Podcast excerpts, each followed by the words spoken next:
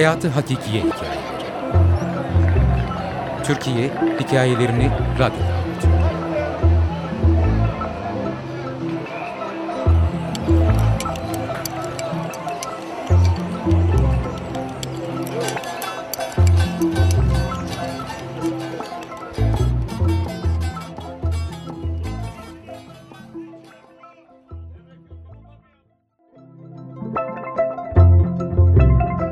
Lao'dan Alberto'ya.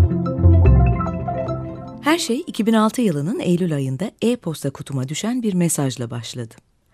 Kanarya Adaları'ndaki Las Palmas de Gran Canaria Üniversitesi'nde öğretim görevlisi olduğunu belirten Bay Pablo Ignacio González Dominguez, dünyaya geldiği Tenerife Adası'nın Villaflor kasabasında yaşayan kişilerin aktardıkları öykü ve fotoğrafları derlemenin hobileri arasında yer aldığını ifade ediyordu. Bay Dominguez'in mesajının devamında 2005 yılının Ağustos ayında Villaflor'da görüştüğü Bay Ovidio Cano'nun kendisiyle paylaştığı çocukluk yıllarından bir anısını anlatıyordu. Görüşme tarihinde 93 yaşında olan Bay Cano'nun belleğine yer etmiş olan öykünün kahramanlarından biri, 1980'li yıllarda vefat etmiş olan halası Maria de la Ocano, diğeri ise Birinci Dünya Savaşı'ndan önce Osmanlı İmparatorluğundan Villaflor'a gelmiş olan Alberto Haleva isimli bir kişiydi. Bay Cano'nun aktardığı kadarıyla Maria'ya derin duygular beslemiş olan Alberto, ülkesine dönüp mallarını satarak yeniden Villaflor'a gelmeyi ve sevdiği kadınla evlenip orada yerleşmeyi planlamış ancak savaşın ardından mal varlığının erimesi nedeniyle ümitsizliğe kapılmış ve hayatına son vermişti. Bu durumu Maria'ya ve ailesine Alberto Haleva'nın erkek kardeşi bir mektupla bildirmişti.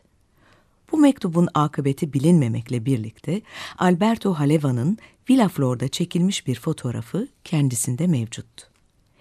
İletinin takip eden kısmında Pablo Dominguez, Haleva soyadıyla internette arama yaptığında karşısına çıkan isimlere ulaşarak öykünün Türkiye ayağını ortaya çıkarmaya çalıştığını belirtiyordu. Acaba Alberto'nun ailesinden hayatta olan kimse var mıydı? Varsa bu öyküden haberdar mıydılar? Uzun süredir Haleva ailesinin bir üyesi olmama ve ailemizin kayınpederim tarafından kırklar eline dayanan geçmişinin zaman zaman yad edilmesine karşın bu isimde bir akrabamızın bahsinin geçtiğine hiç şahit olmamıştım.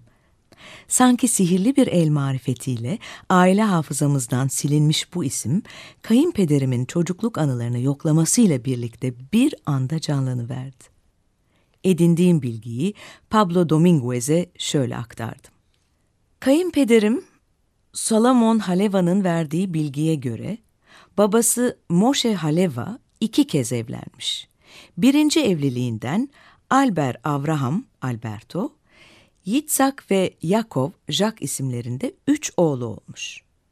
Bir rahatsızlık nedeniyle eşi Sara 1918 yılında 47 yaşında vefat edince akabinde ikinci evliliğini yapmış ve bu evlilikten de Nesim ve Salomon isimlerinde iki oğlu daha dünyaya gelmiş. Kayınpederimin abi Alberto Haleva 1923 yılında İstanbul'a yakın bir şehir olan Kırklareli'nde ailesiyle birlikte yaşadığı evde 30 yaşında hayatına son vermiş. Alberto'nun vefat ettiği yıl dünyaya gelmiş olan kayınpederim, abinin Villaflor'daki olası geçmişinden haberdar değil. Ancak Küba'ya gitmiş olduğunu biliyor. Moshe Haleva, çok düşkün olduğu en büyük oğlu Alberto'nun hayatına son vermiş olmasının yarattığı ıstırapla, ölüm yıl dönümleri dışında isminin kendisinin mevcut olduğu ortamlarda zikredilmesine izin vermemiş. Alberto'yu şahsen tanımış olan aile fertlerinin de birer birer bu dünyadan göçmesiyle birlikte takip eden nesiller bu isimde birisinin yaşamış olduğundan dahi haberdar olmamışlar. Öykünün Villaflor kısmı eksik görünmekle birlikte edinmiş olduğum izlenim aynı kişiden söz ettiğimiz yönünde.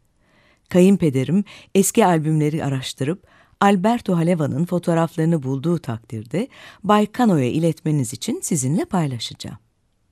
Bu mesajı takiben kayınpederimin eski albümlerden bulduğu kartpostal şeklindeki iki fotoğrafın arkasındaki yazılardan, fotoğrafların Alberto Haleva tarafından Villa Flor'dan Kırklar eline postalanmış olduğunu okuduğumuzda sevincimiz görülmeye değerdi. 14 Ekim 1917 ve 23 Ekim 1921 tarihlerini taşıyan bu iki fotoğrafta Alberto kardeşlerini ve babası Moshe'ye içten selam ve sevgilerini gönderiyordu. Objektifin üzerindeki bir noktaya odaklanmış umut dolu bakışları, hala gelecek güzel günlerin beklentisini taşıyor hissini veren bu genç adam, ne yazık ki bir umutsuzluk anında yaşam yolculuğunu noktalamayı seçmişti. Pablo Dominguez'e verdiğim yanıtın üzerinden tam iki ay geçmişti ki kayınpederimin abiyi Nesim Haleva'yı kaybettik. Ardından aile geçmişiyle ilgilendiğimi bilen kayınpederim, daha önce abinin muhafaza ettiği babası Moshe Haleva'nın 1900'lerin başlarından itibaren Ladino ve Türkçe kaleme almış olduğu notlarını ve hatıra defterini incelemem için bana verdi. Bu kayıtlar başka türlü ulaşamayacağım bilgiler içeriyordu. Aile fertlerinin yaşamlarındaki önemli olayları titizlikle kaydeden Moshe Haleva, oğlu Alberto'nun seyahati vesilesiyle iyi dileklerini küçük anı defterine Rashi yazısıyla Ladino dilinde aktardı. Alberto Haleva 1 Mayıs 1913 tarihinde Amerika'ya hareket etti. Her şeye kadir olan Tanrı ona iyi işler, hayat ve sağlık versin. Amin. Ancak 1900'lü yılların başlarında Kırklarelili Yahudi gençlerin bazılarını cezbetmiş olan ılıman Küba rüzgarları bu yola baş koymuş tüm gençlere ailelerinin onlar için dilediği bolluk ve bereketi getirmedi. Alberto, Havana'ya varışının üzerinden henüz bir sene geçmeden vereme yakalandı. Kırklar eline geri dönmeden önce temiz dağ havası nedeniyle verem hastalarının şifa aradığı Tenerife gitmeye karar verdi. Tenerife gelen verem hastaları Villa Flor'da bir tepede kurulu olan ve sağlık turizmi ağırlıklı hizmet veren La Fonda isimli bir tesiste kalıyordu. 1914 yılının ilk yarısında Villa Flor'a ulaşan Alberto'nun yaşantısı aynı yılın Ağustos ayında Birinci Dünya Savaşı'nın patlak vermesiyle birlikte bir karabasana dönüşecekti. Tenerife'in dış ülkelerle bağlantısının kesilmesi ve Kırklar elinden maddi destek yolunun uzun bir süreliğine kapanmasıyla Alberto bir çıkmaza girdi. Düştüğü umutsuzluk girdabının içinde çırpındığı bir anda hayatına son vermeye karar verdi. Kendini bilmez bir halde elinde kalın bir ip dağ yolundan yukarıya doğru yürürken Alberto'nun karşısına Ovidio Cano'nun büyük babası Manuel Cano çıktı. Alberto'nun öyküsünü dinleyen Manuel Cano, bu genci çaresizliğiyle baş başa bırakamayacak kadar merhametli bir insandı. Dönüş yolu açılıncaya kadar Alberto'yu misafir edebileceğini söyledi. Kendisine uzatılan bu şefkat dolu yardım eline sarılan Alberto, böylelikle Cano ailesinin evine taşındı. Alberto, Villa Flor'da Cano ailesinin tüm fertlerinden destek gördü ancak bir kişi onunla daha gönülden ilgilendi. Ailenin küçük kızı Maria veya Alberto'nun çağırdığı adıyla Lau. Zamanla iki gencin arasındaki sevgi bağı o denli güçlendi ki Alberto evine dönüp mallarını satma ve Villa Flora tekrar gelip Maria ile evlenme hayalleri kurmaya başladı. Kırklar eline ulaşan ikinci fotoğrafın tarihinden yola çıkarak yaptığımız tahmine göre Alberto baba ocağına 1922 yılında muhtemelen Kırklar elinin Yunan işgalinden kurtulmasıyla dönebilme olanağını buldu. Ayrılık vakti geldiğinde Maria'ya geri döneceğini ve Villa Flor'da yaşayacaklarına dair söz verdi. Alberto'nun ayrılışından yaklaşık bir yıl sonra Villa Flora ulaşan Kırklareli damgalı bir mektup, Maria için hüzün ve özlem dolu bir yaşamın habercisi oldu. Kalbinde derin bir yara açan bu kaybın ardından hiç evlenmeyen Maria, 1980'li yıllarda ileri bir yaşta vefatından önce Alberto'nun fotoğrafını muhafaza etmesi için yeğeni Ovidio Cano'ya verdi.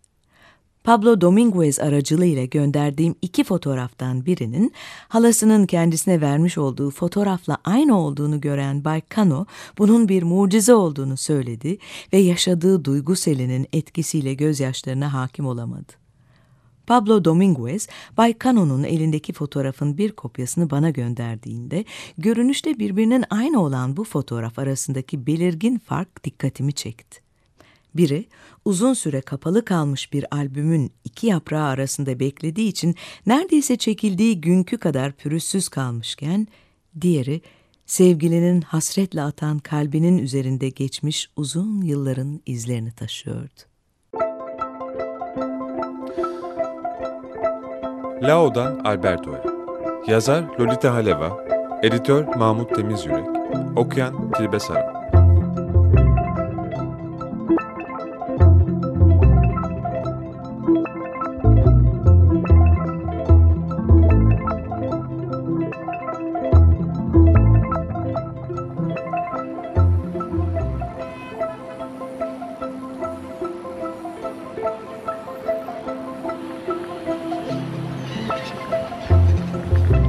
Hayatı Hakikiye Hikayeleri.